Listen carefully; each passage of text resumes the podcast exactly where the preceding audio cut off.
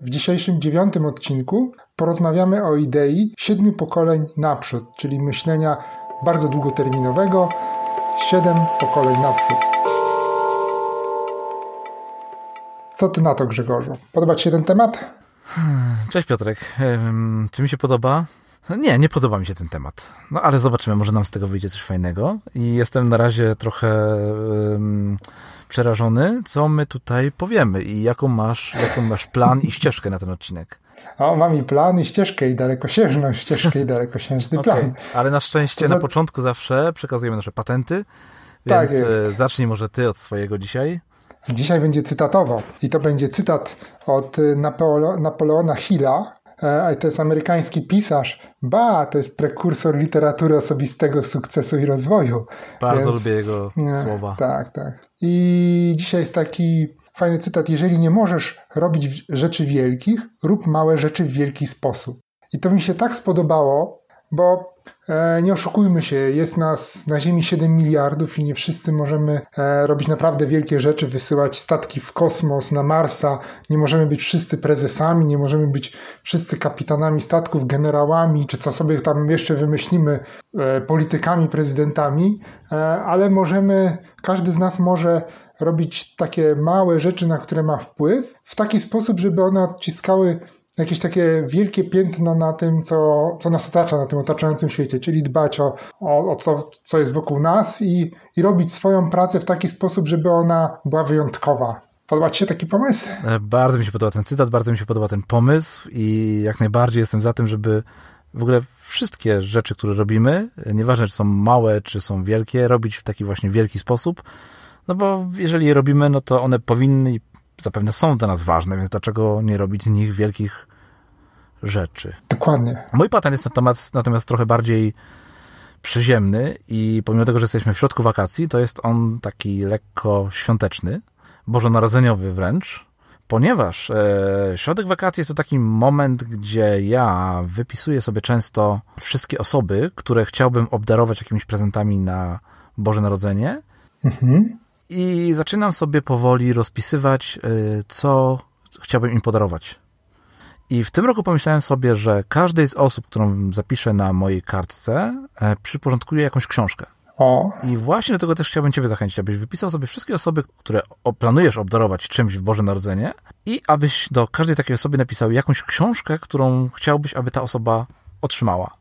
I ciekawy jestem, czy czy na Boże Narodzenie, e, czy przed Bożym Narodzeniem zdecydujesz się na zakup tych książek, może jeszcze nawet dużo wcześniej, może nawet już teraz i gdzieś tam je odłożysz, na sobie czekały? I ile tych osób, e, ile wiesz, ile książek, e, tych tytułów się nie zmieni w stosunku do tego, co jest dzisiaj? Myślę, że tak. Patent jest super, bo ja też planuję wcześniej prezenty. Co prawda nie w sierpniu, ale we wrześniu zaczynamy z żoną planowanie tych, e, tych prezentów świątecznych i powoli je kupujemy. Natomiast nigdy nie wpadłem na pomysł, żeby każdemu podarować książkę. I możliwe, że przynajmniej częściowo przekonam żonę do tego, że to jest właśnie e, fajny pomysł i, i warto po, podarować e, tym razem rodzinie, wszystkim z rodziny po jakiejś książce. A to nie jest, to nie jest tak naprawdę proste, ponieważ jeżeli chcesz komuś podarować jednej osobie książkę, no to zazwyczaj możesz pomyśleć, ok, ja mam książkę, którą e, przeczytałem, którą lubię i która, którą chciałbyś, aby, aby ta osoba przeczytała. Natomiast jeżeli masz dużą listę osób, długą listę osób i każdemu musisz przyporządkować jakąś książkę, to raczej już musisz spojrzeć na to, która książka by do tej osoby pasowała. Tak, Więc dokładnie. jest to trochę, trochę inne podejście. Tak, zgadza się. No dobrze, dobra, zostawmy nasze patenty. Dobra. Przejdźmy do twojego tak. wielkiego tematu. Tak, wielkiego tematu. Wielki, to jest wielki temat. To jest tak naprawdę, e, to jest, wiesz, mm, cytat, który dzisiaj wybrałeś jako patent, myślę, że mhm. dobrze pasuje też do tego tematu. Tak, właśnie tak szukałem takiego cytatu, który gdzieś tam dotknie trochę też tego, o czym będziemy mówić, no bo o tym odciskaniu piętna e, na tym otaczającym nas świecie będziemy rozmawiać. I może ja zacznę od e, definicji tej na czym polega to myślenie siedem pokoleń naprzód, a potem powiem skąd ta idea się w ogóle wzięła. I przejdziemy do kolejnych punktów. Opowiadaj. E, I tak, opowiadam. No to zacznijmy. No to, to jest podczas, tak może dosłownie powiem nawet, e, jak to zostało ujęte. Podczas każdego rozważania musimy brać pod uwagę wpływ naszych decyzji na siedem pokoleń naprzód, nawet wtedy, gdy wymaga to od nas posiadania skóry tak twardej jak kora sosny. I teraz, jak sobie tak to jest ta, ta definicja. My ją potem rozbijemy na elementy pierwsze i tak sobie myślę, że na sam początek warto powiedzieć, ile to jest te siedem pokoleń naprzód. Może najpierw To powiemy jest- sobie, skąd w ogóle się ta definicja wzięła. Co to, To co zaraz to w ogóle powiem. jest? Zaraz powiem. Może- Dobra, dobra, to nie będę. Tak, chciałbym powiedzieć, żebyśmy od razu planu. wiedzieli, o jakim okresie czasu rozmawiamy. Okej. O okresie od 175 do 210 lat. To zależy, e, jak liczymy te pokolenia. Mhm. Bo są różne szkoły liczenia jednego pokolenia. Raz to jest 30 lat, raz to jest 35, czy nawet 40, to, to od tego zależy. Czyli No polega to na myśleniu mniej więcej, co będzie się działo za 200 lat od dzisiaj, tak? Czyli wszystko, co od robimy... dzisiaj na przykład. Okej. Jak wpłynie na tą, na te 7 pokoleń naprzód na przykład rodzinie, ale to zaraz do tego dojdziemy. A to jest idea, która się wzięła e, z konstytucji Irokezów. I ją troszeczkę tą ideę przemodyfikował Orena Lyons, to jest członek plemienia Irokezów, jednocześnie prawnik, który specjalizuje się w prawie ludów tubylczych. A więc on walczy o prawa tych ludów tubylczych i jednocześnie tą ideę, bardzo mu ta idea przypadła do gustu on ją rozwinął i rozpropagował. I z ciekawostek takich to ta konstytucja Irokezów powstała w okresie 1142 do 1500 roku, czyli głęboko, dużo wcześniej niż konstytucja Stanów Zjednoczonych. Ba, jeszcze Stanów Zjednoczonych nie było i, nikt, e, i dopiero co Kolumb przypłynął do Ameryki, jeżeli bierzemy ten ostatni okres. A jeżeli nawet ten ponad, pierwszy... ponad 20, 20, ponad 25 pokoleń temu. Tak, to Więc, są... e, więc dużo wcześniej niż, niż e, to, co, Mhm. e, czego przedmiotem jakby jest ten fragment, o którym mówiłeś, Tak. którym, który powiedziałeś. Dokładnie. I tworzyło ją początkowo pięć, a potem przyłączyło się jeszcze szóste, poko- szóste plemię należące do Irokezów.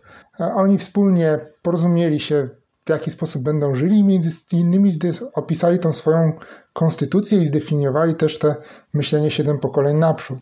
Bast. A ojcowie założyciele Stanów Zjednoczonych przypuszcza się, że znali tą konstytucję i e, tworząc konstytucję Stanów Zjednoczonych, sugerowali się pewnymi zapisami y, z tej konstytucji Irokezów. Niestety nie, nie przenieśli do tej konstytucji ducha i przesłania tego, który, które chcieli Irokezi e, przekazać e, wszystkim swoim członkom plemienia i, i tego sposobu myślenia właśnie, które się kryło za tą e, ich konstytucją. Takiej dbałości właśnie o ten otaczający ich świat. No i tutaj zastanawiałem się, bo wiesz, bo warto zacząć od takich przykładów, e, gdzie, czy to w ogóle, gdzie to może znaleźć zastosowanie.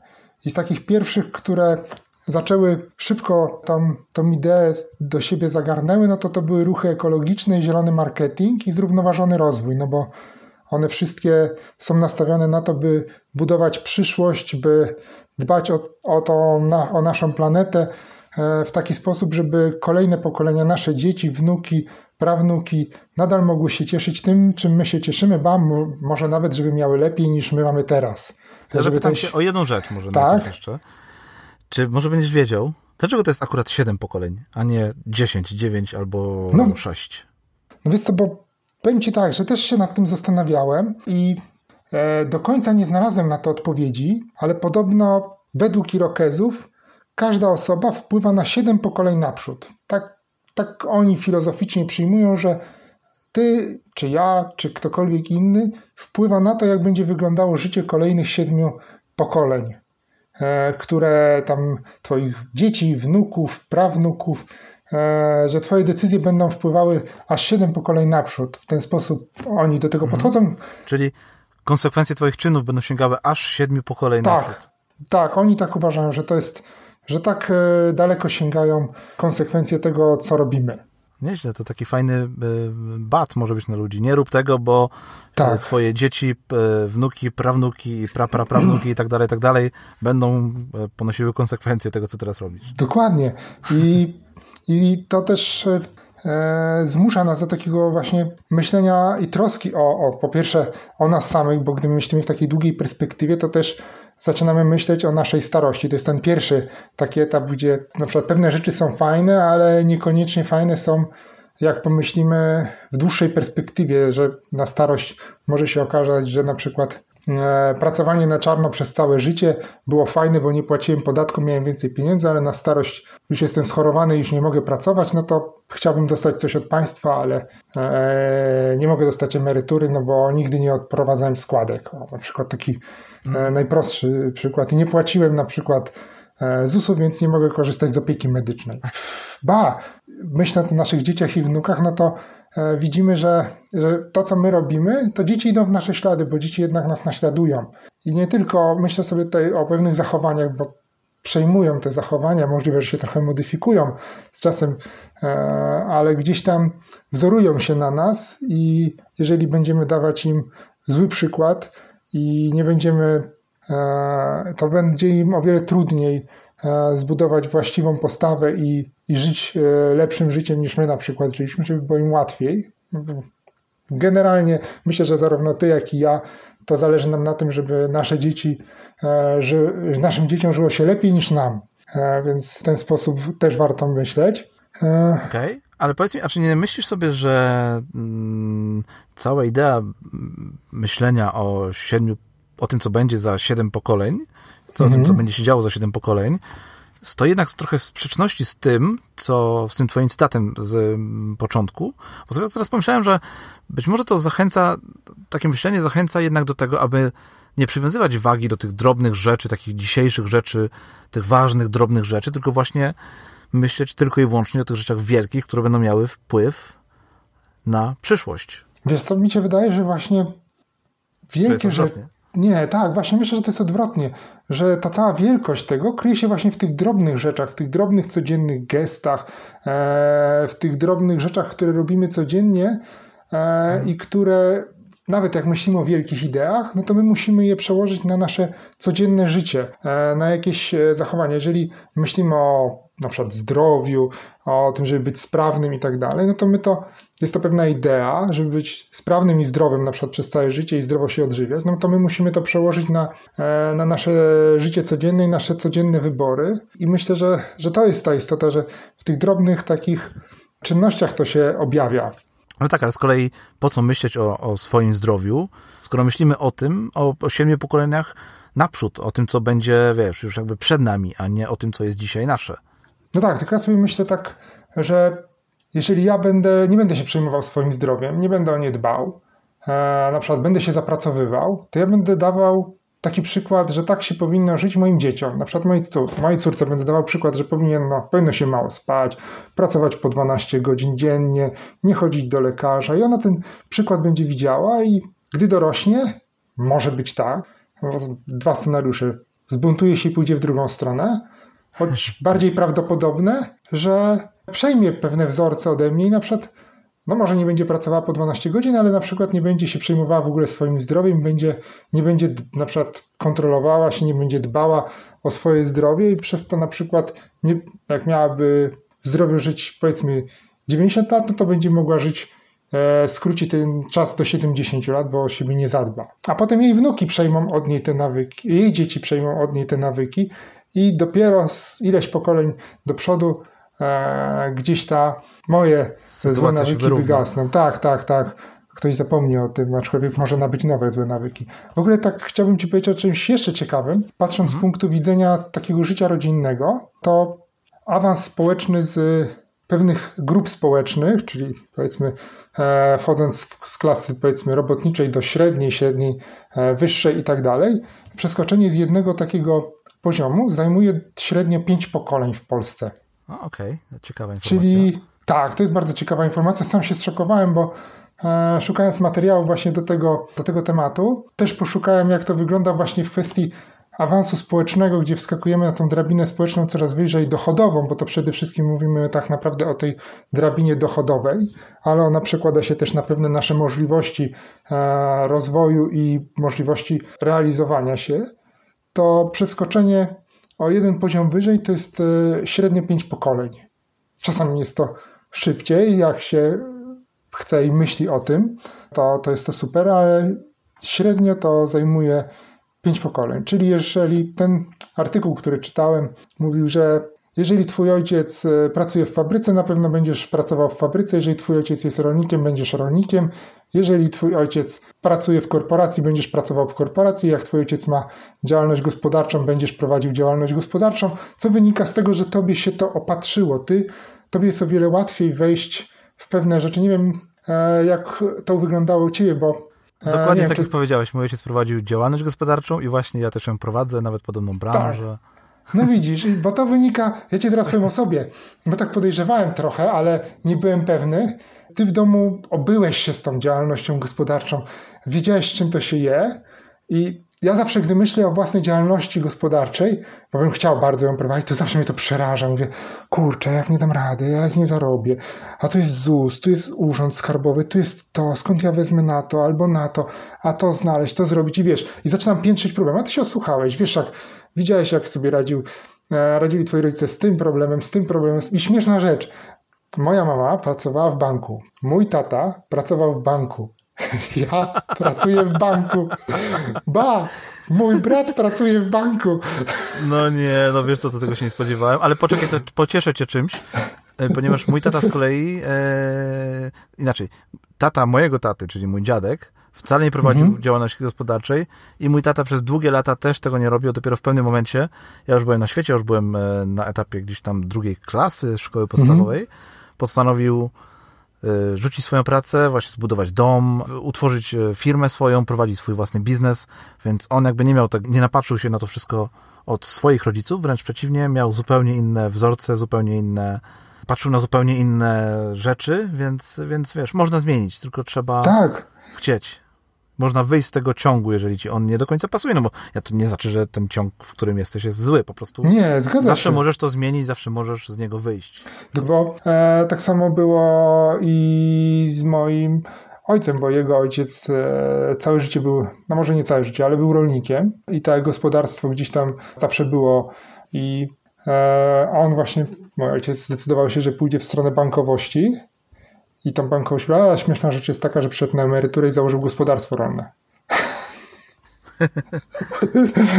Ale powiem ci, teraz, tak sobie teraz myślę, że widzisz, że to, co powiedziałeś o tych pięciu pokoleniach, że zmiana tych klasy e, w Polsce zajmuje aż pięć pokoleń, to jest dobre potwierdzenie e, całej tej ideologii patrzenia siedem pokoleń naprzód. Tak. Mój tata, który w pewnym momencie postanowił wszystko zmienić, też sobie mógł tak pomyśleć, że okej, okay, ta decyzja pociągnie za sobą kolejne decyzje, nie tylko moje, znaczy nie mhm. tylko jego, ale również moje, moich dzieci, które również patrzą na to, jak ja prowadzę swoją działalność, e, jak ja prowadzę biznes, jak się zajmuję tym wszystkim i tak dalej, być może one też zechcą y, też to kiedyś robić. Tak. Więc jakby faktycznie tutaj patrzenie na swoje decyzje i na swoje działania pod kątem tego, jak nasze dzieci i wnuki i prawnuki będą później odbierały to, co my robiliśmy, no jest, jest chyba sensowne. No tak, tak, właśnie też myślę sobie o swojej sytuacji, bo e, ja mieszkałem w Sochaczewie, to jest 50 km od Warszawy, w miejscowości, która liczyła nie więcej niż 40 tysięcy mieszkańców.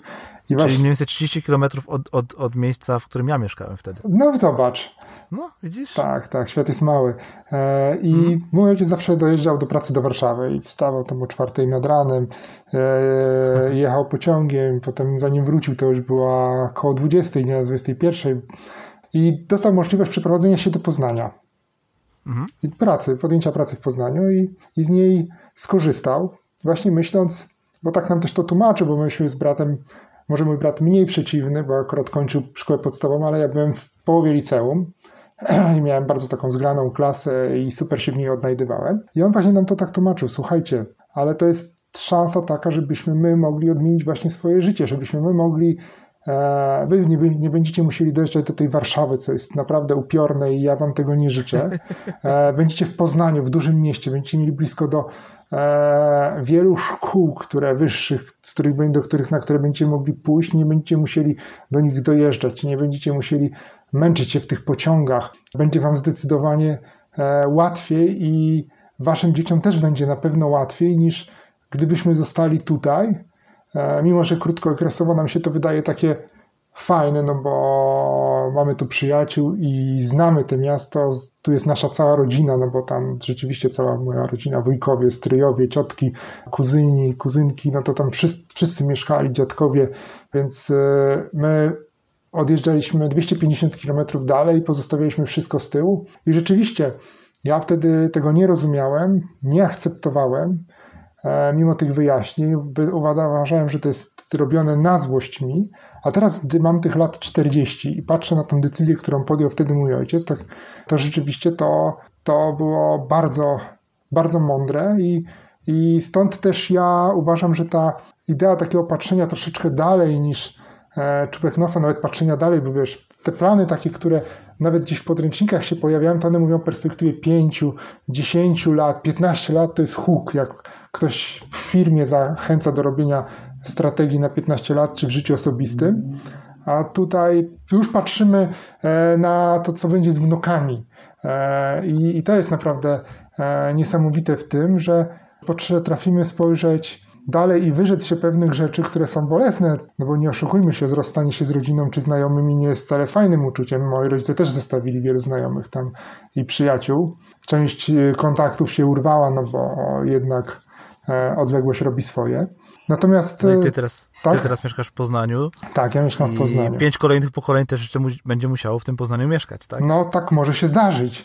Chyba, że znowu, bo wiesz, fajna idea taka mi się przypomniała, yy, że Covey mówił o tym, że ktoś jest osobą przejściową. Czyli osobą, która dokonuje, on to właśnie tak, tak. Zmiany. Tak, dokonuje wielkiej tak, tak zmiany tak, w rodzinie, dokonuje czegoś, na przykład w mojej rodzinie wszyscy pili, a on mówi nie, ja nie będę pił, moje dzieci nie będą piły i, i on dokonuje tej wielkiej zmiany, takiej wolty w drugą stronę. Nie będziemy teraz my tu mieszkać w takim, takiej ruderze, my, ja, ja i moje dzieci pójdziemy w drugą stronę i, i odetniemy się od tego wszystkiego, co jest tutaj złe. I tak samo właśnie... Byle nieodwrotnie. Tak, tak, byle nieodwrotnie. No też się zdarzają niestety takie niechlubne przypadki. Tak, od, od dzisiaj będziemy pić i mieszkać w ruderze. Tak, tak, nie no, Nasze. znam taki przypadek, gdzie ktoś sobie, i to właśnie jest z niedalekich znajomych rodziny, ktoś sobie uświadomił, że jest śmiertelny, że on umrze.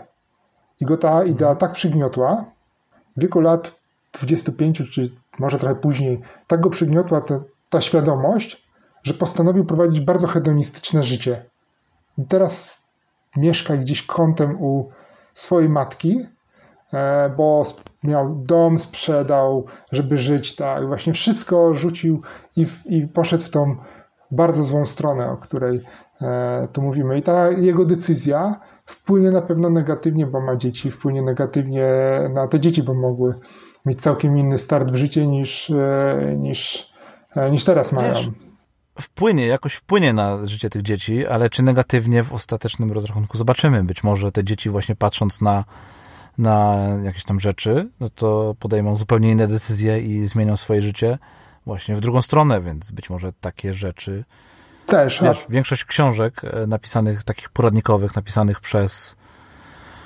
przez e, no, różnych, różne osoby, których często słyszymy i których właśnie książki widzimy w księgarni, to mają takie historie, że albo ich rodzice prowadzili jakieś słabe życie, typu, nie wiem, czy by, pochodzą z biednej rodziny, czy przeszły jakiś poważny wypadek i tak dalej, więc te punkty zwrotne albo się pojawiają, albo te osoby pochodzą właśnie z takich, miały taki negatywny przykład z domu i tak, tak. pójść w drugą stronę, bardzo mocno. Chociaż statystyki, o których Ci wcześniej mówiłem, wskazują jednak, że niestety jest to mniejszość.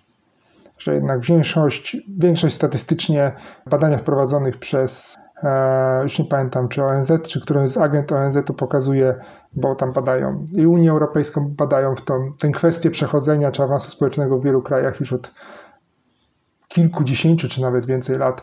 E, pokazują jednak, że statystycznie to, o czym ty mówisz, to jest mniejszość, że jednak większość osób e, zajmuje to, to więcej czasu. No tak, no ale tak. myślę, że my tutaj jesteśmy po to, żeby wyciągać tych ludzi, którzy chcą właśnie dokonywać tych zmian. Więc powiedz mi teraz, jak, co zrobić w ogóle, żeby żyć zgodnie z tą tak, ideologią powiem, siedmiu pokoleń naprzód? Tylko może jeszcze jedną ciekawostkę taką przed tym, zanim to przejdziemy, ze świata gospodarczego powiem i historii. Tak, tak, bo zaraz zagadaliśmy się tutaj o tym, co jest najważniejsze w tym wszystkim, czyli e, naszym życiu i życiu rodzinnym. E, a w gospodarce te idee też się pojawiają i to jest ciekawe, bo one głównie się pojawiają w krajach azjatyckich. I E, Zawsze, tak, tak bardzo tak. perspektywiczne myślenie? Tak, zaraz ci powiem, bo to jest no bo, no bo, super no bo ciekawe. powiedziałeś z kolei o firmie, powiedziałeś o firmie, że w firmach nie planuje się aż tak dalekiego rozwoju, no bo w sumie ja sobie nie wyobrażam, żeby planować w firmie, co się będzie działo za 200 lat. Tak, ale to słuchaj, to będzie ciekawe. To będzie ciekawe. E, zacznę może trochę, cofnę się w historii, bo do reform Meiji, które zapoczątkował cesarz Matsuhito i on zaplanował rozwój Japonii na 100 lat do przodu, planując te reformy. E, nie wnikałem w szczegóły, jak on to zrobił, bo też brakło mi trochę czasu, aczkolwiek mam to w punktach, że chciałbym zobaczyć, co on, jak on do tego podszedł, bo to jest bardzo ciekawe. E, przy planowaniu rozwoju miast, infrastruktury takiej drogowej i komunikacyjnej powinno uwzględniać się minimum stuletnią perspektywę, czyli e, jak ktoś planuje rozwój miasta, powinien już myśleć 100 lat do przodu, bo to miasto będzie się rozrastało. To są takie wytyczne, a teraz no to, jest, to jest generalnie tak, jeżeli chodzi o te wytyczne, no to myślę, że one nie tylko dotyczą Azji, ale dotyczą całego świata. A mam trzy przykłady firm, które myślą w długiej perspektywie. I zacznijmy od tej, która myśli na, w najkrótszej perspektywie, Toyoty. I oni mają stuletnią wizję rozwoju firmy. Nieźle, nie? No, jasne. No, jest SoftBank Group, który ma 300-letni plan rozwoju. Jest też Matsuhita, to jest e, od Panasonica, gdzie mają 700-letni plan. Hmm, okay. Ja się znaczy widzisz, to wszystko jest objęte tajemnicą, bo szukałem, jak wygląda ten 700-letni plan i chciałbym go bardzo przeczytać. Eee, natomiast niestety za dużo się nie dowiedziałem poza jakimiś tam ogólnikami gdzieś na stronach internetowych, bo to jest.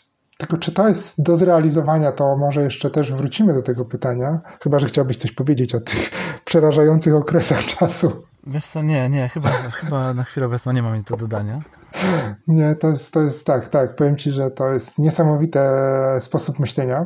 Zastanawiam się, na ile to ma w ogóle sens, e, tak. takie myślenie. Będziemy, myślę, że, że nie, ja nie wiem, czy jaki to ma sens. No to jakiś ma, chociażby w tym... No bo co innego, co innego myśleć o konsekwencjach swojego działania, tak. co innego myśleć, zaplanować rozwój na 700 lat do przodu. To jest chyba to można, wiesz, planować jakąś wizję, ale to tak. też jakby to nie może być, to, to musi być tak bardzo ogólny, nawet nie plan, tylko może... Kierunek może, jakiś. Można, kierunek, tak, w którym miejscu, kim chcemy być, ale to też nawet ciężko zaplanować, skoro nie potrafimy przewidzieć, co będzie się działo za, za 15 lat, jakimi, jakimi będziemy dysponować, nie wiem, no, zobacz teraz, ok, jesteśmy w połowie, miejmy nadzieję, że pod koniec nawet y, epidemii koronawirusa, która na zawsze zmieniła wszystko na, hmm. na, może nie na zawsze, ale na lata zmieniła kierunek y, no, rozwoju wszystkich, tak. tak? I teraz ile się pozmieniało, więc na ile teraz te plany są w ogóle aktualne, a na ile to można do, do kosza wyrzucić. Tak, tak,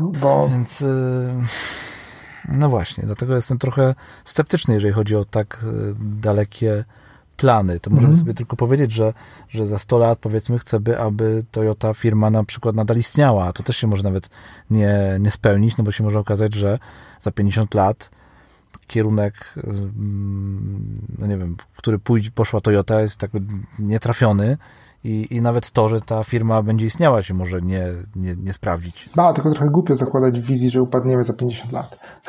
No, no tak. tak, tak. To jest mało motywujące.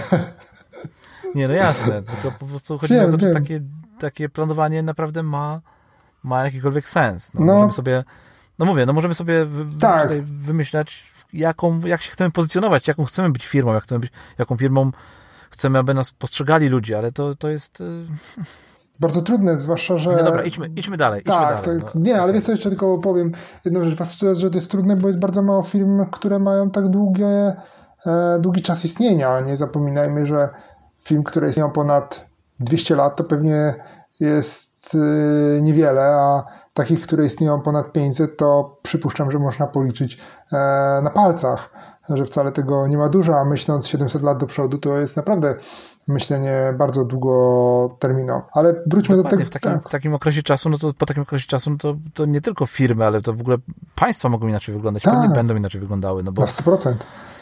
Hmm, no, ale no. wróćmy może do tego twojego pytania, gdzie jak, jak żyć zgodnie z tą ideą. Może zacznę od tego, co już obiecałem, czyli rozłożenia na te czynniki pierwsze definicji, bo tam jest taki jeden z elementów, trzy są trzy elementy.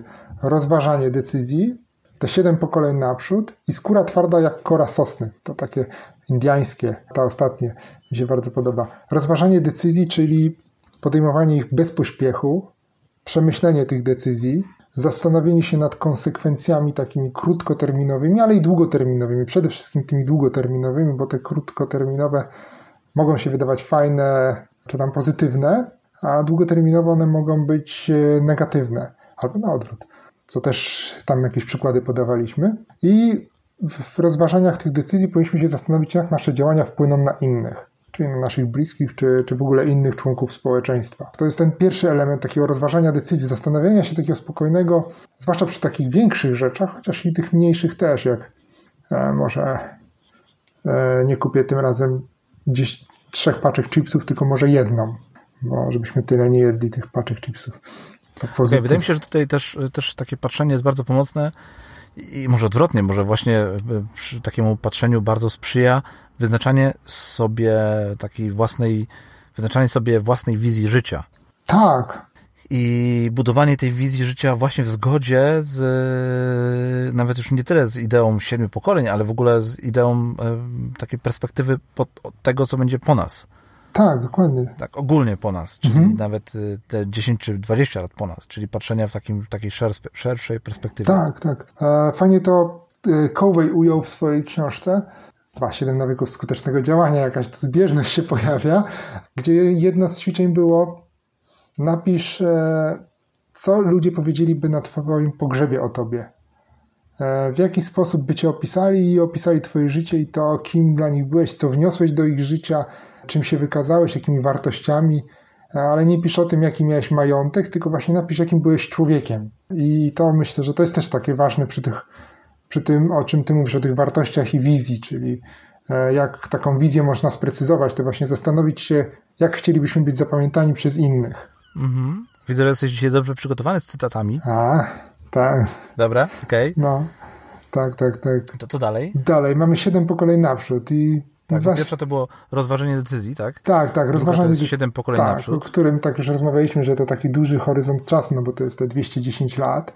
I jak tak mhm. sobie myślałem o tym, bo już trochę też powiedzieliśmy, że to jest szmat czasu, że na początku, bo to mówimy, pomyśl sobie siedem pokoleń naprzód i jak ktoś to wezmie dosłownie, to tak jakby na początku XIX wieku e, ludzie mieli zgadnąć, co będzie, e, czyli mamy 1800 rok, E, mieli zgadnąć, co będzie w 2000, 2000 czy 2020 roku i, i opisać ten świat, no to nie oszukujmy się, e, gdzieś tam są pewne takie próby literackie były, czy, czy graficzne i one niestety, ale rozmijały się, ponieważ brakowało wyobraźni. Teraz, czy my jesteśmy w stanie teraz przewidzieć, jak będzie wyglądał świat za 200 lat, czyli w 2000 1200 roku na przykład, no ja Myślę, że nie mamy żadnej głęboko szansy. wątpię. Na szczęście, na szczęście myślę, że nikt nas z tego też, też nie rozliczy. tak, Nawet nie, to możemy puszczać, tak, wody fantazji możemy puszczać, jeżeli ktoś lubi, ja lubię zastanawiać się nad tym, to, to, to, to, to, to jak najbardziej. Natomiast samej idei nie chodzi o to, żeby zgadnąć, jak będzie wyglądała komunikacja, czy jak będzie ten świat, e, czym będziemy jeździć, gdzie będziemy spać, co będziemy jeść, e, tylko bardziej żeby uwzględnić tą perspektywę, tym jak nasze życie wpłynie na te kolejne pokolenia, o czym już wspominaliśmy, jak te e, kolejne pokolenia będą profitować albo i nie profitować z tego, co my teraz robiliśmy. Tak, ja na przykład zawsze mam problem z wszelkimi misjami w kosmos. Ponieważ na przykład e, misjami na Marsa, które są mhm. planowane, które się tam rozpoczynają, ponieważ tak naprawdę naszemu pokoleniu one niewiele dadzą. Tak, dokładnie. I to jest, to jest, to jest taka rzecz typowo robiona już dla przyszłej ludzkości, a nie dla nas. My nie jesteśmy w stanie, to znaczy, no, na pewno jakieś tam informacje zyskamy, bardzo cenne dla nas dzisiaj również, ale nie będzie w tym wszystkim takiego przełomu, jaki na pewno zobaczymy za 50, za 100 lat. Może 200. Może 200. No, tak. za 200 ten przełom będzie jeszcze większy i będzie pewnie kolejny, no bo, no bo, no bo to, to, to, o czym co dzisiaj się dzieje, i wszystkie te planowane podróże, wszystkie te planowane loty na, na Marsa, czy gdziekolwiek indziej w ogóle w kosmos, na, na pewno będą miały jakieś mhm. swoje, no, no, tak, będą miały jakieś swoje, nawet nie tyle konsekwencje, co będą kontynuowane i będą poszerzane, może być może takie loty będą już wtedy na porządku dziennym i będziemy podróżować sobie po różnych planetach, e, jak, nie wiem, jak dzisiaj na, na wakacje, jak dzisiaj jedziemy na wakacje, nie wiem, nie wiem tego i tego się na pewno nie dowiem, ale faktem jest, że gdybyśmy dzisiaj nie robili tych małych kroczków, no to za 150-200 lat nie byłoby szansy, żeby te wielkie kroki robić.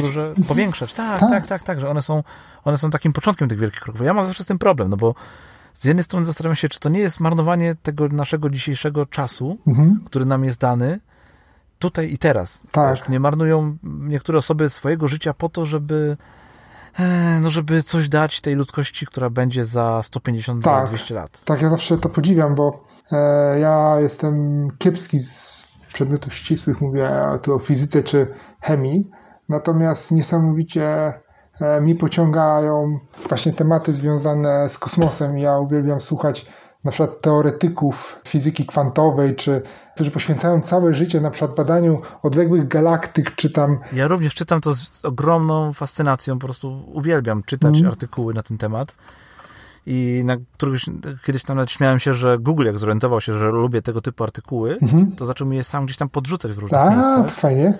Tak, tak, tak, gdzieś tam w wiadomościach Google i tak dalej. Musiałem w ogóle zrezygnować z tych wiadomości, bo podrzucał mi tak wiele tych artykułów, że już po prostu siedziałem, non stop czytałem mhm. różne jakieś nowe, fajne rzeczy i to było, to się, to się czyta po prostu wspaniale, bo czytasz o rzeczach, które się dzieją tu i teraz, tak. a nie o tym, co będzie się działo za 150, za 200 lat. Mhm. Więc to było bardzo fajne. No ale z drugiej strony właśnie. No i to jest, ja podziwiam w ogóle ludzi, zobacz, jakim, jeżeli patrzymy na przykład na Maska, czy ludzi, którzy pracują w NASA, czy w Europejskiej Agencji Kosmicznej i oni myślą o pewnych rzeczach, pracują nad pewnymi rozwiązaniami, które tak naprawdę za ich życia prawdopodobnie nie będą miały żadnego właśnie takiego efektu, o którym my mówimy, a każdy chciałby, żeby ta jego praca przyniosła jakiś efekt.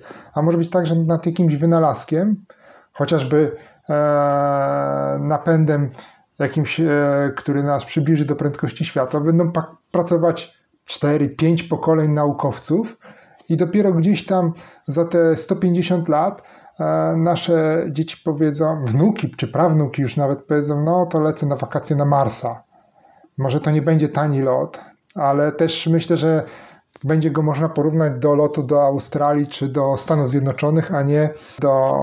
Teraz przecież lot w kosmos kosztuje chyba z milion dolarów, albo więcej nawet. Milion to chyba mało powiedziałem. W każdym razie kosztuje majątek. Mało. Tak, mało, myślę, tak. że mało, mało, zdecydowanie mało. To chyba się tam w dziesiątkach raczej liczy. E, albo... E, w każdym razie ja sobie tak jeszcze z kolei pomyślałem, że może to, może tutaj możemy wrócić do tego cytatu, który nam na początku dałeś. Już tak. kolejny raz do niego wracam. Raz, widzisz, patrz jak fajnie, najpierw raz, raz popieram y, tym cytatem twoim ideę, a raz staram się ją obalić. Tak. A teraz sobie myślę, że może takie osoby jak Elon Musk właśnie, one wcale nie chcą mm, wiesz, podróżować na Marsa. Może one chcą tylko zrobić ten jeden mały kroczek i może to im wystarczy. Może, one, może te osoby właśnie wiedzą, że to wcale nie jest, y, że, że one nie osiągną zbyt wiele, ale może to, co one osiągną, ten malutki kroczek, może dla nich to jest już to coś, co im wystarczy. W ogóle mieć takie porównanie. może to jest mhm. już ten cel, a tylko przy okazji robią ten jeden wielki krok dla ludzkości, która będzie za 150, za 200 lat. Profitować z tego. Tak pomyślałem sobie w ogóle, że Elon Musk mi trochę przypomina e, Krzysztofa Kolumba. Jeżeli mu się uda dotrzeć na tego Marsa, to, to to będzie coś tak niesamowitego i założyć kolonię tam, to będzie coś tak niesamowitego jak e, odkrycie Ameryki przez Europejczyków. Całe szczęście Mars Marsa jest nie odkryje, ale na Marsie na pewno by mógł odkryć wiele, wiele rzeczy. Tak, i myślę, że to mogłoby być z czasem, mogłoby się okazać, żeby, e, że Mars by się oddzielił od Ziemi, mielibyśmy tak naprawdę Ziemię i Mars Marsa, i który rządziłby się, bo wiesz, na początku ta kolonia przecież... Za, dużo, założył... za dużo science fiction Tak, ale tu... Przestań, widzisz, przestań. Ale widzisz, tu możemy już puścić pewne wodze fantazji, ale tak mi się skojarzyło, tak już odbiegając może trochę od tematu, chociaż nadal gdzieś tam krążąc wokół niego, no to rzeczywiście ten Elon Musk i ta idea lotu na Marsa to mi się bardzo kojarzy z Krzysztofem Kolumbem. Ale wracając do tego do tej naszej definicji, to już mówiliśmy o rozważaniu decyzji, braniu pod uwagę długiej perspektywy, czyli tych siedmiu pokoleń. I zostaje nam ostatnia rzecz, chyba najtrudniejsza w tym wszystkim, bo skóra twarda jak kora sosny. I czyli to jest gotowość do podejmowania niepopularnych decyzji, takich jak tak. tak, oszczędzanie, ograniczanie konsumpcji, zdrowe odżywianie, unikanie kredytów, e, uprawianie sportu, ciągła nauka, czy nawet takie decyzje. Na szczęście, na szczęście te wszystkie rzeczy, o których teraz mówisz, Aha. E, no ty mówisz o nich w kontekście patrzenia na przyszłość, na tak. patrzenia na przyszłość, ale w tym sensie, że uczy, że, że inni patrzą i e, patrzą na ciebie i biorą z ciebie przykład. Mhm. Na szczęście wszystkie te rzeczy można bardzo łatwo e, spłycić i, i uznać je, że musimy je wszystkie robić nie dlatego, że inni na nas patrzą, ale dlatego, żeby pożyć ten rok dłużej, dwa tak. lata dłużej, tydzień dłużej, no, w ogóle trochę dłużej, czyli robić to wszystko bardzo samolubnie dla siebie, więc e, ale, ten krok paradoksalnie może nie być taki trudny. Ale on może być trudny dla nas nawet. spojrzymy. Wiem, wiem, e, ale on dla nas może być krótki. Znam osoby, którym jest bardzo trudno odkładać pieniądze, mimo że mają zarobki dobre. Nie, nie jest tak, że e, zastanawiają się, czy kupić chleb czy masło, tylko raczej zastanawiają się, czy polecieć na Majorkę, czy... Na Marsa? Tak, no prawie, no nie, takich nie znam, bo jakbym znał, to, to, to, to by było też super. E, jak ktoś ma pieniądze i chce polecieć na Marsa, ja się chętnie z nim zabiorę. W obie strony. Naprawdę poleciałbyś? No w obie strony, bym musiał wrócić, bo jednak... No właśnie, pytanie. tak, tak, nie, w jedną stronę to powiem Ci, że nie jestem gotów. Nie, nie, to mogłoby mieć duże reperkusje i wpływ na moją rodzinę. tak. tak, jakbyśmy się przeprowadzili, się na Marsa, to rzeczywiście siedem pokoleń naprzód na pewno by by odczuło skutki tego. Ja bym, ja bym nie poleciał, to jest ciężko by nam było chyba nagrywać podcast też. Tak, bardzo ciężko. Wymiana to... informacji nie jest zbyt prosta. Tak, nie jest prosta, tam by było przesunięcie czasowe spore i, i byśmy... To był monolog, co drugi tak. odcinek musiałby być monolog. Tak, tak, to jak, chociaż może byśmy sobie jakoś poradzili, e, znaleźlibyśmy jakieś rozwiązanie, myślę. W każdym razie. Tak, tak, chodźmy na ziemię. E, hmm. Wydaje mi się, że podejmowanie trudnych decyzji, takich na przykład chociażby jak E, rozpoczęcie działalności gospodarczej, gdy nikt wcześniej tego nie robił i nie ma doświadczeń, wszystkim mówił, idź, wszyscy ci mówili w rodzinie, idź na etat, bo jak będziesz na etacie, to to, to jest najlepsze rozwiązanie. No to gdy podejmiesz decyzję, to część osób może się pukać w czoło i mówić, słuchaj, głupi jesteś, źle robisz, to jest bez sensu, po co bierzesz takie ryzyko na przykład na siebie, a ty uważasz, że to jest dobry pomysł na przykład, albo przeprowadzka w całkiem nowe miejsce, czy, czy jakieś inne decyzje, które Widzę, wydają masz się ochotę na tą działalność gospodarczą. Tak, tak, ja powiem Ci, cały czas się do tego przygotowuję, gdzieś tam bardzo powoli, e, bo jednak trochę taką, e, trochę tak jak taki żółwik podążam do, do tej mety. E, może to też kwestia tego, że w rodzinie znam tylko jedną osobę, która prowadzi działalność gospodarczą i jest zadowolona z tego. Ale to jest dalsza rodzina, więc tak w domu to nigdy się z tym nie obyłem. I sam muszę przecierać trochę szlaki w tym, w tym, w tym obszarze. A poza tym muszę sobie przygotować produkty, żeby mieć co sprzedawać najpierw, a dopiero potem e, myśleć o, o prowadzeniu działalności gospodarczej, ponieważ mnie kręci kierunek szkoleniowy, a żeby tutaj się w tym kierunku się realizować czy prowadzić działalność gospodarczą, no to trzeba też zaoferować jakieś szkolenie i nad tym pracuję.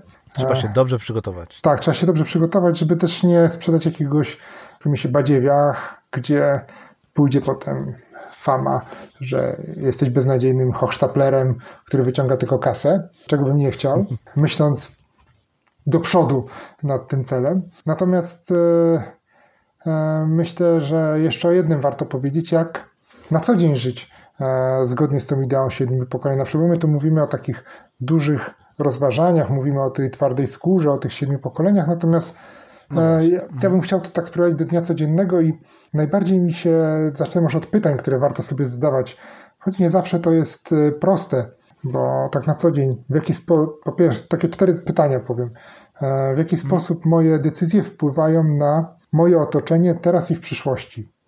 Czyli jak rzucam papierek na ulicę, to czy to jest dobre? Czy to dobrze wpływa na moje otoczenie? Na osiedlu jestem swoim, tu gdzie mieszkam i rzucam na przykład, a mam takich sąsiadów, co tak robią właśnie. Idą i rzucą pustą butelkę na, na chodnik. Czy to jest pozytywne dla mojego otoczenia? No to jest negatywne na przykład e, dla mojego otoczenia. Na szczęście to jest mniejszość i raczej po pijaku. To jest inna kwestia. E, drugie pytanie, jaki wpływ wywieram na Ziemię? To takie pytanie bardzo głęboko z nurtu ekologicznego i zrównoważonego rozwoju, czyli jak ja dbam o tę no, moją planetę swoim codziennym zachowaniem, czy tam kupuję tych foliówek masę i plastiku, potem e, jednorazowych opakowań, butelek, nie wiem, czy tam w jaki sposób odciskam te piętno, chociaż generalnie bardzo trudno zrzucić odpowiedzialność e, na, choć firmy próbują zrzucić, to jest w ogóle temat na oddzielny odcinek, zrzucić odpowiedzialność na jednego konsumenta i powiedzieć, wy dbajcie o środowisko, bo nie wiem, czy wiesz, ale tyle, ile produkują dwutlenku węgla wszystkie samochody na świecie, to 10, 10 e, największych masowców pływających po ziemi produkuje też w jeden rok. Czyli 10 statków wożących towary między różnymi portami, 10 największych, produkuje tyle dwutlenku węgla, co kilkanaście milionów samochodów, a takich masowców pływa, tysiące pływają. Więc yy, no problem, nawet jak ja rzucę samochód, yy, zrezygnuję ze światła, ze wszystkiego, to mój wpływ będzie jakiś malutki, ale nadal e, pytam, to pojawia się teraz sens, czy w ogóle warto dbać o to środowisko, jeżeli inni, inni nie dbają. Ja myślę, że warto, tylko może nie czujmy się tak, że to jest nasza wina tylko i wyłącznie, bo jednak E, też powinniśmy wpływać na te duże korporacje, próbować przynajmniej. Ale, ale odpłynęłem, znaczy, myślę, co? Warto, tak, że warto robić swoje po prostu. Tak, tak warto jeżeli, robić swoje niezależnie. Jeżeli inni, jeżeli nie udaje nam się przekonać innych do tego, aby robili tak, tak jak trzeba, no to róbmy swoje mhm. i starajmy się jak najlepiej tak, możemy. Tak, czyli te małe rzeczy w wielki tyle. sposób. Tak, tak. Dawajmy przykład innym. Po raz kolejny. Tak, tak, po raz kolejny. Kurczę, ale dobry cytat wybrałem na ten odcinek. No, widzisz, nawet sam nie wiedziałeś, że będzie tak, tak dobry. Tak, chociaż szukałem dobrego. Myślałem, że on będzie fajną taką zajawką, ale potem wrócimy, przejdziemy do czegoś innego. I tutaj e, jeszcze jedna rzecz e, mi się pojawia. E, pytanie, ile konsumujesz? Też warto sobie takie pytanie zadać, bo w konsumpcji nie ma nic złego w tym, że my żyjemy w jakiś sposób, dbamy o siebie, czy nawet nabywamy produkty, które sprawiają nam przyjemność. Ja uważam, że nie ma w tym nic złego i to jest dobre, bo w końcu coś nam się należy z życia. Nie jesteśmy mnichami, którzy żyją samotni, bo, e, bo też ja chcę mieć coś z tego życia. Myślę, że i ty, e, mimo że tutaj rozmawiamy o tej idei siedmiu pokoleń naprzód. Natomiast... Wiesz, o tym, o tym, o tym, o tym coś, to też mhm. moglibyśmy porozmawiać, no bo to coś z życia, to jest, to jest... Ach, to jest też temat. Powinniśmy to kreować odpowiednio. Tak, dokładnie. To na pewno ja tutaj, ja tutaj powiem tylko jedną, jedną rzecz, że Bo, w moim podejściu do tego coś z życia bardzo mhm. dużo zmieniła jedna książka. Minimalizm Leo Babeuty. O! To jest po prostu rewelacyjna tak? książka. Polecasz ją? Pierwszych, jaka... Tak, tak. To jest Bo ja znam, znam. Leo. Leo napisał kilka książek na ten temat. Właściwie są, jest kilka podobnych książek, bo jest e, minimalizm, jest chyba e, książeczka minimalisty, nie wiem, to jest inna książka, przecież jest dokładnie taka sama, ale obydwie przeczytałem i są, są, są prawie identyczne, ale, ale są, obydwie się czyta rewelacyjnie, więc, e, więc polecam jedną, później drugą przeczytać. Tak, ja lubię czytać. Mhm. I one bardzo fajnie kreują właśnie to, pokazują, w którą stronę warto szukać tych, tych naszych potrzeb. Ja bardzo lubię czytać jego bloga. Tak, ja powiem Ci, że książki, książki jego uwielbiam, bloga czasami, czasami czytam, ale nie zawsze mam y, może siłę, może cierpliwość i nie zawsze mm. czytam, ale, ale też, też jest nie, no, warto, warto tam zerknąć. Nie, nie przeczytałem go od deski do deski, czytam wybrane artykuły. Jasne. Tak. Ale książki są bardzo fajne. Mhm, tak. Jeszcze jedno pytanie na koniec, wydaje mi się najważniejsze. E, mhm. Jaki wpływ wywierasz na swoje dzieci i jaki dajesz im przykład swoim zachowaniem? Mhm. Tak, to, to, to, jest, to, z pytań, które warto codziennie sobie zadawać. Czyli rzucam papierek na ulicę, to daję przykład dzieciom, że powinny tak robić, że tak wolno robić, że tak można robić. Albo mówię im, wiesz, nikt nie patrzy, to możesz ukraść. E, możesz wziąć sobie tego batonika, bo pani nie patrzy na przykład. No to jest, no to jest tragiczny przykład, który może e, poprowadzić dzieci na bardzo, w bardzo złą stronę. Albo zapal sobie papieroska, wiesz. Albo wypij piwko przed 18 rokiem życia, nic ci się nie stanie i chociaż Kid Rock śpiewał, nie wiem czy znasz Kid Rocka, Kid Rock ma taką piosenkę, że on śpiewa i tam ma taki refren, najlepsze chwile życia jakie spędziłem to te, kiedy będąc nastolatkiem piłem piwo z ojcem na werandzie, coś mniej więcej w tym Więc tak, tak. Nie, nie znam, nie tak, znam. Tak, ale on podążył właśnie też w kierunku alkoholu, narkotyków. Pytanie, na jaki wpływ miał ten ojciec na to, to już jest inna sprawa. A więc co jeszcze jedna... Mi, mhm. czy yy, żyjesz zgodnie z ideą patrzenia siedem pokoleń naprzód? Zanim odpowiem Ci na pytanie, powiem jeszcze jedną rzecz, bo te cztery pytania chciałem zamknąć. To pewne, jeszcze raz, może jeszcze raz je przypomnimy. Pierwszy to jest, tak. w jaki sposób Twoje decyzje wpływają na wodę, na otoczenie, tak, w którym żyjesz. Na wszystko, tak, wszystko, co tak. Cię otacza. Drugie to, to jaki wpływ wywierasz na ziemię. ziemię tak. Ile konsumujesz?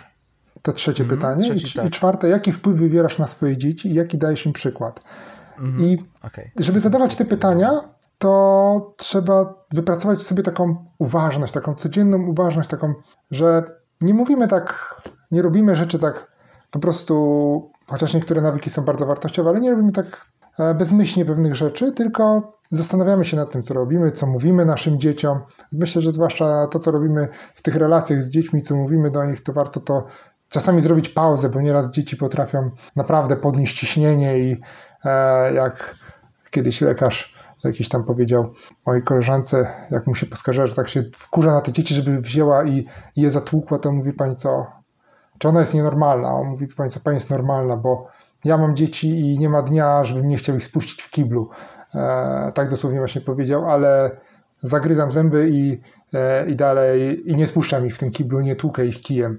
To właśnie ta uważność taka codzienna, gdzie my nieraz musimy zrobić takie stop tym swoim emocjom i tak spokojnie się zastanowić nad tym, co my robimy, bo my bardzo chętnie reagujemy emocjonalnie, zobaczymy tam batonika, chwycimy go, albo może jeszcze jeden serial na Netflixie, albo jeszcze trochę poskroluję jednak zamiast i za 10 minut to ja już na pewno pójdę biegać albo ćwiczyć. I, i, i warto zrobić taką uważność, stop, stop, stop, ile chcesz jeszcze tak robić i wiesz, e, i warto tam uważność tak ćwiczyć, że zauważamy pewne złe nawyki, ja myślę tu o tych złych nawykach, gdzie mówimy stop, stop, stop, stop, poczekaj, ale to, to nie powinno iść w tą stronę na przykład.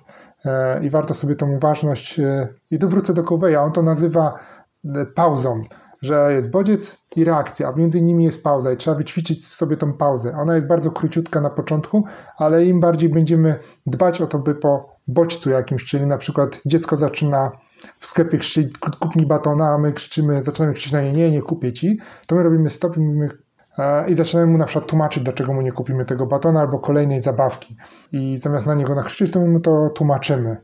E, I na to wziąłem, przyczepiłem się do przykładu z dziećmi, bo on jest najprostszy, bo jako rodzic najłatwiej mi do takich przykładów sięgać, ale myślę, że to w każdym e, obszarze życia znajduje zastosowanie taka pauza między bodźcem a reakcją. I teraz myślę, chyba że chcesz coś dodać, to bym wrócił do tego twojego pytania, czy ja żyję, żyję z, zgodnie z ideą siedmiu pokoleń. Wiesz co, nie, może odpowiedz, bo, bo chciałbym tutaj tak? też do tego, do twojej odpowiedzi, którą za chwilkę udzielisz, nawiązać pewnie. Ha, wiesz co, powiem ci tak, ja bym chciał bardzo żyć tak i próbuję, E, I myślę, Staram się, starasz się. Starasz tak? się, staram się.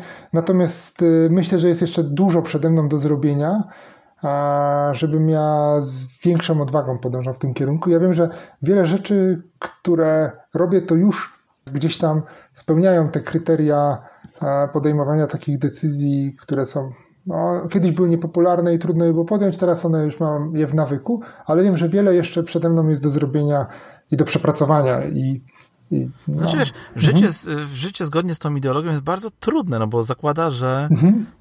nie myśl o sobie, tylko myśl, nawet myśląc o sobie, to myśl o innych, myśl tak. o, o przyszłości, myśl o tych, których nigdy nie zobaczysz, myśl o tych, mhm. których to dotyczy, ale których, na których nie masz tak naprawdę bezpośredniego jakiegoś wpływu i o których nic nie wiesz. Więc to jest bardzo trudne, ale myślę sobie, że wszystkie te rzeczy, o których powiedziałeś, wszystkie te kryteria, można też przełożyć na bardzo proste, samolubne myślenie. Polegające na tym, żeby myśleć tylko i wyłącznie o sobie. No, wiesz, nie, nie tylko i wyłącznie o sobie, ale myśleć o sobie. Mhm. No bo wiesz, jeżeli to jest, no bo ideologia myślenia o siedmiu, ideologia patrzenia siedem pokoleń naprzód polega też na tym, że żeby myśleć o sobie, no bo to ma wpływ na przyszłość, tak? tak? Zostawmy tą całą przyszłość, bo łatwiej jest patrzeć cały czas tylko i wyłącznie, no bo człowiek jest tak naprawdę z natury samolubny i nawet jak robi coś dla kogoś innego, nawet jak przekazujesz jakieś datki na cele charytatywne, no to robisz to ze względu na siebie, tak? Z troszkę samolubnych pobudek. Tak. I tutaj pewnie wiele osób będzie krzyczało i się nie będzie zgadzało, ale taka jest prawda. Jakby wszystkie takie gesty są również po to, abyśmy sami siebie dowartościowali. Tak, lubili siebie i mieli do sobie dobre lubili. Lubili siebie, tak, tak, tak, tak, tak, dokładnie wiedzieli, jakby przekonywali sami siebie, że robimy coś dobrego, więc może właśnie myśląc o sobie, o swoim życiu, patrząc na swoje życie i ceniąc je bardzo mhm. i całe swoje otoczenie, prawda, żeby to życie miało jak najle- było jak najlepsze, było jak, miało jak najlepsze, było jak najlepszej jakości, żeby wiesz, tą jakość życia sobie poprawić, tak naprawdę poprawiasz też jakość życia swoich y, no, potomków. Tak. Ale oczywiście trzeba tutaj spojrzeć na to w odpowiedni sposób i to poprawiać jakość życia no, w ten właściwy, e, tą właściwą drogą, żeby Dokładnie. to poprawianie jakości życia nie polegało na tym, że ja teraz wyrzucę butelkę, żebym nie musiał iść dalej, wyrzucę butelkę na trawę, żeby nie musieć iść dalej do kosza, tylko że e, wiesz, to wiedzieć, że ta butelka na przykład w ogóle nie jest mi potrzebna mhm. i może powinienem, nie wiem, nie korzystać z butelek plastikowych w ogóle, Dokładnie. żeby, no nie wiem, mi się lepiej żyło, no bo nie mhm. będę musiał jej w ogóle nosić i tak dalej, i tak dalej. Czyli jakby bardzo uprościć to całe podejście, sprowadzając to wszystko do dbania o samego siebie, co w konsekwencji i tak będzie miało pozytywne skutki na siedem pokoleń naprzód. Tak. Tak, bo, bo my chcemy się czuć z sobą dobrze. Nie, nie, nie, ja, ja łapię tą ideę, mhm. o której ty mówisz, bo my zawsze chcemy się czuć ze sobą dobrze i mieć świadomość, że robimy coś, co jest wartościowe, coś, co ma znaczenie. E, co... A ja bym ci chciał też mhm. w takim razie dać też na koniec tak? taką dokładną, bardzo dokładną instrukcję mhm. na temat tego, jak każdego dnia żyć zgodnie z ideą siedmiu pokoleń. I będzie to również książka, mhm. książka, ale tak naprawdę będzie to cała ideologia, ideologia stoicyzmu, mhm. a książka nosi tytuł Stoicyzm na każdy dzień roku, 366 medytacji na temat mądrości, wytrwałości i sztuki życia. O. Jest to książka Ryana Holiday'a i Stevena e, Hanselmana. Mhm. I jest tam, tak jak tytuł wskazuje, 366 hmm, cytatów tak. stoików, mhm. razem z ich wytłumaczeniami, z takimi opisami, fajnymi opisami, z tłumaczeniami w sensie takim, że wiesz, jest wyjaśnione, mhm. na czym polegają czasem, czasem dosyć niejasne i może skomplikowane e, cytaty mądrych ludzi sprzed wielu, wielu, wielu lat. Mhm. I ja sobie czytam tą książkę codziennie, już od, od bardzo dawna. Codziennie jeden taki cytat z wyjaśnieniem.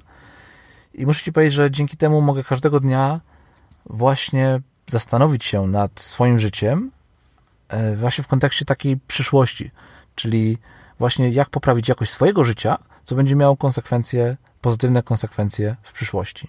Także tą lekturę Ci bardzo polecam i wszystkim słuchaczom, jeżeli faktycznie szukać jakiegoś prostego sposobu na to, jak żyć zgodnie z tą ideą, a jednocześnie nie zastanawiać się w każdym, wiesz, robiąc każdy kolejny krok, czy to będzie miało pozytywne skutki dla moich pra, pra, prawnuków, czy nie.